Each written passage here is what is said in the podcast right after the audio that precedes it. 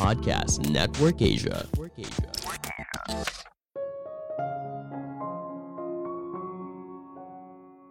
Menjadi kaya itu tidak terjadi dalam semalam, butuh perjuangan dan proses untuk mencapainya. Halo semuanya, nama saya Michael. Selamat datang di podcast saya, Sikutu Buku. Kali ini saya akan membahas soal fenomena crazy rich dan kenapa banyak orang tergiur ingin cepat kaya. Mungkin kasus Indra Kents dan Doni Salmanan mulai menyadarkan kita pada kenyataan. Kalau pada dasarnya, untuk jadi kaya itu tidak mudah semua yang serba instan pada akhirnya bisa berakhir buruk. Selain itu, kita sepertinya memberikan label kalau seorang itu kaya bukan berdasarkan pada bisnis atau pekerjaannya, tapi berasal dari flexingannya di media sosial. Ini justru fenomena yang menarik. Ada sebuah ungkapan, money talks, wealth whispers. Orang yang kaya sibuk pamer harta, tapi orang yang beneran kaya banget cenderung tidak berisik. Sebelum kita mulai, buat kalian yang mau support podcast ini agar terus berkarya, caranya gampang banget. Kalian cukup klik follow. Dukungan kalian membantu banget supaya kita bisa rutin posting dan bersama-sama belajar di podcast ini.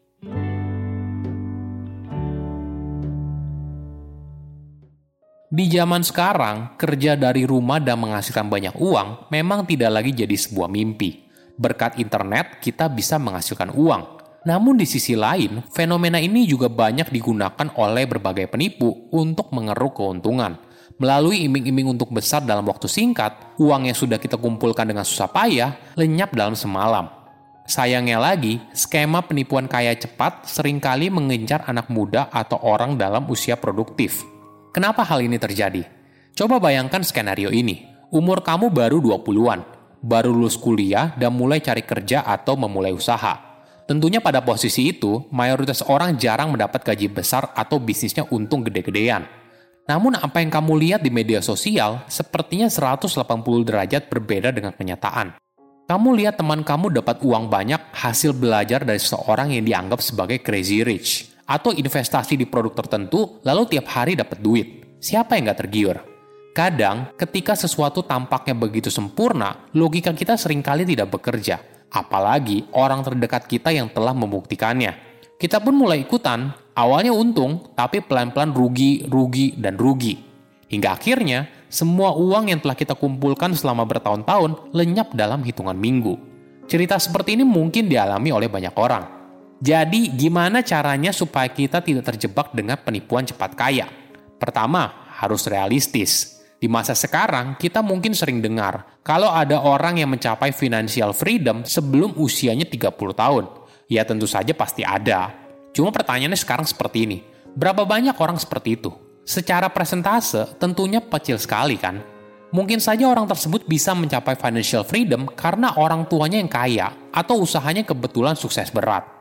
Mimpi besar boleh-boleh saja, tapi kadang menginjak bumi juga penting. Kamu pernah dengar gak soal survivorship bias?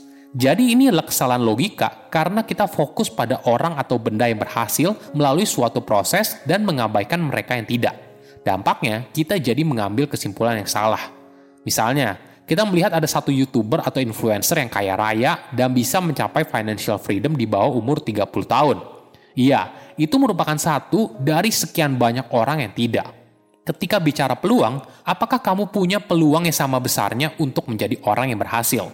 Kedua, kalau teman saya bisa, saya pasti bisa. Ini hampir mirip dengan yang pertama. Bedanya, orang terdekat kita tiba-tiba jadi kaya karena berinvestasi atau berbisnis produk tertentu. Kadang orang tidak tertipu oleh orang yang tidak dikenal, tapi kebanyakan orang tertipu karena orang terdekat mereka sudah bergabung dalam skema penipuan cepat kaya seperti ini. Mungkin saya teman terdekatnya juga tidak tahu kalau ini merupakan skema penipuan. Inilah yang membuat rantai penipuan semakin luas. Ketiga, belajar soal keuangan. Banyak orang tidak minat untuk belajar soal keuangan atau investasi. Bagi mereka, itu terlalu rumit. Tapi bagaimana kita bisa jadi kaya kalau kita tidak belajar soal uang atau investasi? Ini yang terkadang suka aneh. Kebanyakan orang rela menginvestasikan uang yang sudah dikumpulkannya dengan susah payah kepada sebuah produk yang belum tentu jelas secara legalitas atau skema bisnisnya.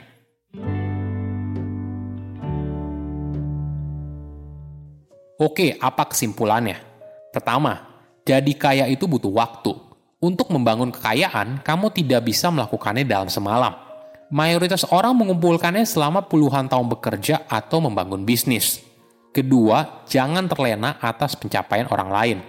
Kita mungkin sering dengar, kalau dia bisa, kenapa saya enggak? Pemikiran ini juga nggak sepenuhnya salah. Artinya kita juga bisa mencoba melakukan hal yang sama. Namun perlu dipahami, berapa besar peluang orang tersebut untuk sukses. Apakah dari 100 orang yang melakukan hal yang sama, maka akan memberikan hasil yang sama? probabilitas akan membuat kita menjadi orang yang lebih realistis dalam melihat pencapaian orang lain. Ketiga, ketika sesuatu terlihat begitu sempurna, mungkin saja hanya mimpi. Mungkin kamu pernah ditawarkan produk tertentu yang bisa menghasilkan uang setiap harinya. Ibaratnya kamu tinggal tidur aja, mereka yang kerja buat kamu. Coba dipikir ulang. Kalau memang bisa semudah itu, kenapa dia mau nawarin itu ke kamu? Kenapa nggak digunain aja sendiri tanpa perlu memberitahu orang lain? Pertanyaan ini mungkin saja membuat kamu menjadi sadar dan melihat sebuah tawaran apa pun dengan lebih rasional. Saya undur diri, jangan lupa follow podcast Sikutu Buku. Bye-bye. Pandangan dan opini yang disampaikan oleh kreator podcast, host, dan tamu tidak mencerminkan kebijakan resmi dan bagian dari podcast Network Asia. Setiap konten yang disampaikan mereka di dalam podcast adalah opini mereka sendiri dan tidak bermaksud untuk merugikan agama, grup etnik, perkumpulan, organisasi, perusahaan, perorangan, atau siapa pun dan apa pun.